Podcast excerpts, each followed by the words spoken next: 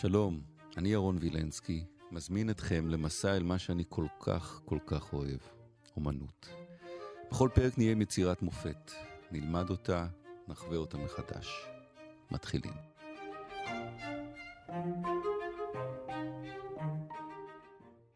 יאן ורמיר, אישה מחזיקה מאזניים. זו היצירה, אנחנו עם דוקטור גיא טל שנקר, שלום. אהלן. נפתח ביאן ורמיר עצמו, כולנו מכירים בעיקר את הגיל פנינה. נערה עם הגיל פנינה. זה נכון. הוורמיר המפורסם, יש עוד מפורסם שהוא יושב ומצייר, ואתה בחרת אישה מחזיקה מאזניים. Mm-hmm. זה תמיד אותו חלון. זה תמיד אותו חלון. האור מגיע תמיד באותו חלון אצל כן, ורמיר. כן. תראה, לוורמיר יש uh, בכל העולם 35 ציורים. ככה זהו? שאם כן, ככה שאם אתה הולך למוזיאון ואתה רואה ורמיר, אתה יכול לעשות רשימת ורמיר ולעשות וי ליד הציור של ורמיר שראית. אני, אני מכיר אנשים כאלה אישית, שפשוט סופרים כמה ורמירים הם ראו, פשוט מדהים. Uh, עוד דבר נחמד על uh, ורמיר, שנשארו 35 ציורים, ואנחנו יודעים גם שהיו לו 14 ילדים, עשרה, או 11 בעצם uh, נשארו בחיים, וארבעה מתו עם לידתם. אז יש לו קצב לא רע של ילד ושלושה ציורים. ילד שלושה ציורים, ילד שלושה ציורים, והוא מת בגיל 43. 35 ציורים? זה הכל? כי מה, כי הוא צייר לאט? כי הוא...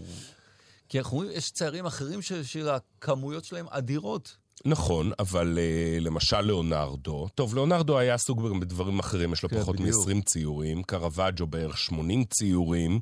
זה נכון שזה מעט מאוד, יכול להיות שהוא צייר uh, לאט, יכול להיות שחלק הלכו לאיבוד. משהו מיוחד בציורים שלו, מה ששאלת על החלון, זה קל מאוד uh, לזהות את הציורים שלו, כי יש תמיד את החלון הזה מצד שמאל, שמכניס איזו אלומת אור שמאירה בן אדם אחד או שתי דמויות שנמצאות בחלל פנימי, ושקועות בשקט שלהם, הן עושות משהו בשקט. זה, השקט הוורמירי הזה.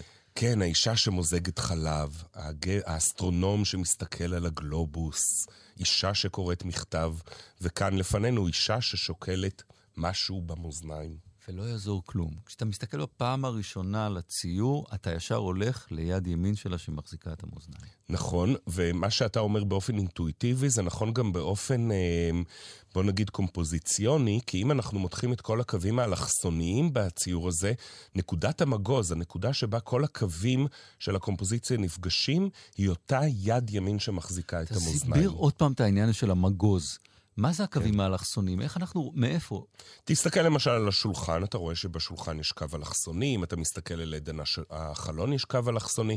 הקו האלכסוני הזה, כן, התיאור הזה של השולחן בקו אלכסוני... אם אתה ממשיך אותו, כולם... אתה מגיע לנקודת מגוז. אתה ממשיך את כל הקווים האלה ומגיע לנקודה אחת. בדיוק. הרעיון הוא באמת תיאור של אה, אשליה תלת-ממדית על משטח דו-מימדי. זה בעצם הרעיון. ונקודת המגוז, אם האומן הוא חכם מאוד, נקודת המגוז תהיה גם הנקודה שהיא הרעיון של הציור. זאת אומרת, הרעיון כאן של הציור הוא עצם השקילה. ואנחנו מסתכלים אל היד שלה, וגם היא מסתכלת אל היד שלה. וגם היא מסתכלת. וגם נכון האור מאוד. מגיע אל היד שלה. והאלומה, יפה. הכל מגיע לכף היד שלה. עכשיו אנחנו צריכים להסתכל על מה היא מחזיקה, על המאזניים. קודם כל, מה היא שוקלת? אנחנו רואים על השולחן מחרוזות פנימיים, נכון. שמגיחות מתוך קופסה ומטבעות כסף. זאת אומרת, לא מדובר באישה ענייה, יש כאן מעמד בורגני שבע. אבל על המאזניים ברגע הציור אין כלום. אין כלום. גורנישט. זה מאוד מפתיע.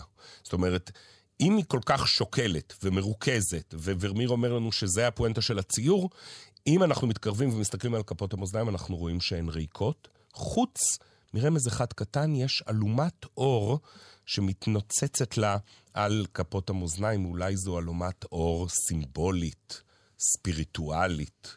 אתה יודע, לא הראשונה, להסתכל על המבט שלה ולהגיד, היא שוקלת את חייה. נכון, והיא באמת שוקלת את חייה.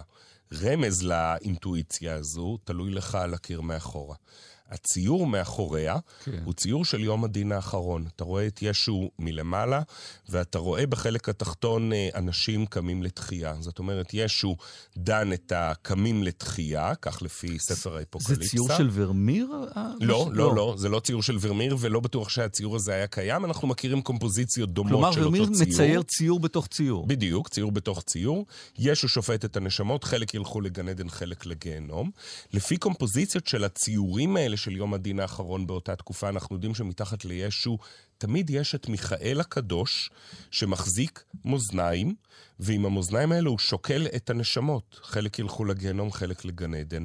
כאן האישה הזו נמצאת בדיוק מתחת לישו, והיא לוקחת בעצם את התפקיד של מיכאל הקדוש. היא זו שמחזיקה את המאזניים ושוקלת. אנחנו יודעים מי האישה הזו, או שזה פרי דמיונו של ורמיר?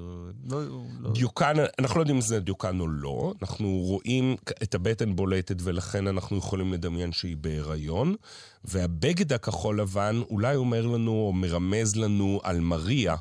ולכן האישה הזו, אם אנחנו חושבים שהיא מריה, ורק נגיד בסוגריים שוורמר היה קתולי בהולנד הפרוטסטנטית mm. של אותה תקופה, יכול להיות שמריה שוקלת כאן את הנשמות אולי של הצופה. אולי היא זו שמתווכת אותנו לישו, לגאולה ביום הדין האחרון, ועושה את חשבון הנפש בשבילנו, עבורנו, או אולי היא עושה את חשבון הנפש שלה. הבד הכחול מצד שמאל דווקא הוא מטורף. אני כל כך אוהב אותו, כי כשאתה מגדיל את הציור, כן. הוא יוצר שם כחול כל כך הרבה יותר מעניין, נניח, מהכחול הימני, בעיניי. כן. אה, גוונים של כחול, שאיך ש... איך שהצבע מושפע למשל מתאורה ומאור וצל ומכל הכפלים, אתה רואה כמה כפלים יש שם אה, בכחול. תסתכל עוד בצד שמאל למעלה, אם אתה כבר מסתכל על פרטים קטנים, ותראה שבין החלון לבין הציור של יום הדין האחרון, יש אה, עוד מסמר mm. על הקיר. זה ו... מסמר. אה, כן. נכון, זה מסמר ו... בלי, בלי ציור. מסמר בלי ציור, ואתה שואל את עצמך, אוקיי, למה אין ציור על המסמר הריק הזה? אין לך מסמר בבית בלי ציור? אה, לא, בדרך כלל, אני, בדרך כלל אני מוריד את המסמר. זהו. אבל זה נראה כאילו אה, ורמר רצה לתלות שם ציור, אולי יום הדין האחרון היה תלוי על אותו מסמר והוא הזיז אותו. זהו, כי אין הרבה מקום, זה, יש פה מקום לציור קטן אם זה... אולי ציור קטן. המסמר הזה, לפחות לפי אחת מחוקרות האומנות המפורסמות, קוראים לה מיקה בל, היא אומרת שהמסמר הזה הוא סימן לרצון של ורמר לאזן את הציור. זאת אומרת, המסמר הזה הוא רמז מאוד פואטי, כן? אתה לא חייב, זה לא משהו למה? כאן אה, אה, עובדתי, אבל רמז לרצון של אה, ורמר לאזן את הציור. כאילו הוא ניסה לתלות שם ציור על המסמר הריק, ואז הוא העביר את הציור של יום הדין האחרון ימינה, ובעצם העניין הזה של השקילה, העניין הזה של המאזניים והאיזון, הוא לא רק הנושא של הציור, אלא גם הוא הרצון של האומן לייצב את הקומפוזיציה שלו. עוסקים במסמר הזה כי אנחנו יוצאים מנקודת הנחה ש... אין בציורים האלה שום דבר סתם. זאת אומרת, לכל דבר יש סיבה, או שיכול להיות שהוא סתם שם שם מסמר כדי שנרגיש מאוד אמיתי, מאוד אותנטי את החדר. זה יכול להיות שהוא עשה את הציור הזה בצורה מאוד ריאליסטית. אמ, אני שואל את עצמי, אבל אה, אפשר להסתדר גם בלי המסמר? הוא היה יכול להסתדר נכון. בלי המסמר. אה, אולי זה דיוקן של קיר? אנחנו לא בטוחים, וזה נראה יותר עם, עם ציור. שעצור בו כל כך, עצור, עצורות בו כל כך הרבה משמעויות ורבדים, והרצון הזה שלך להתעמק ולחשוב ולערער כמו אותה אישה ששוקלת במאזניים, mm-hmm. אולי יש כאלה שיערערו במסמר. מה היה לו עם פנינים? פנינים? שם פנינה, פה פנינים, השרשרת זה נראה כמו פנינים, נכון? כן, כן, כן. אלה ממש מחרוזות שיוצאות מה... אה, אתה רואה? מגיחות להן מהקופסה. יש כאן בעצם איזה מין... אה, אפשר להגיד אה, מסר כפול. מצד אחד, תהנו מכל המותרות, מוצרי המותרות והאושר שלכם. מצד שני, למרות כל האושר והכסף שיש לכם, אל תשכחו שהפואנטה בסופו של דבר של החיים זה הגאולה בעולם הבא. ולכן השקילה היא לא של הכסף, אלא של המעשים הטובים. אני, יש לי רק וי אחד על ורמיר בווינה, ציור המפורסם שהוא יושב ומצייר, אם רוצים לראות את הציור הזה, לאן צריך לנסוע? לנשיונל גלרי בוושינגטון. ראית אותו? בוודאי. מה מרגישים כשעומדים מולו? אה, חוויה מאוד uh, אינטימית. הציור הוא פיצי, הוא בערך 35-40 סנטימטר. הוא קטן מאוד. כל הציורים של ורמר מאוד קטנים. ולכן אתה פשוט נשאב לתוך החוויה האינטימית וה... כן, של האישה הזו שנמצאת לבד מול המאזניים. המבט שלה זה פשוט, זה, זה, זה מרתק. אתה... על מה היא חושבת, באמת? חיים שלמים. או אולי על הבן שלה שבדרך. ועוד לא אמרתי הכל, אריק איינשטיין.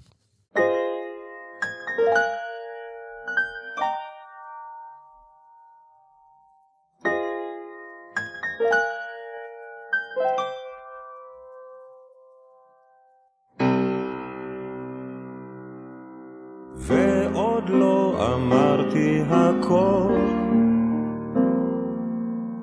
ועוד יש לי מה לומר, לפני שיהיה מאוחר, והקהל יתפזר, וכל אחד יהיה זוכר מה שכל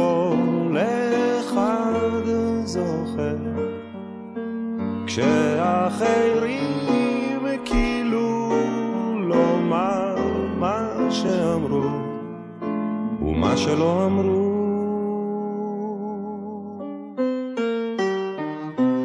ועוד לא אמרתי הכל,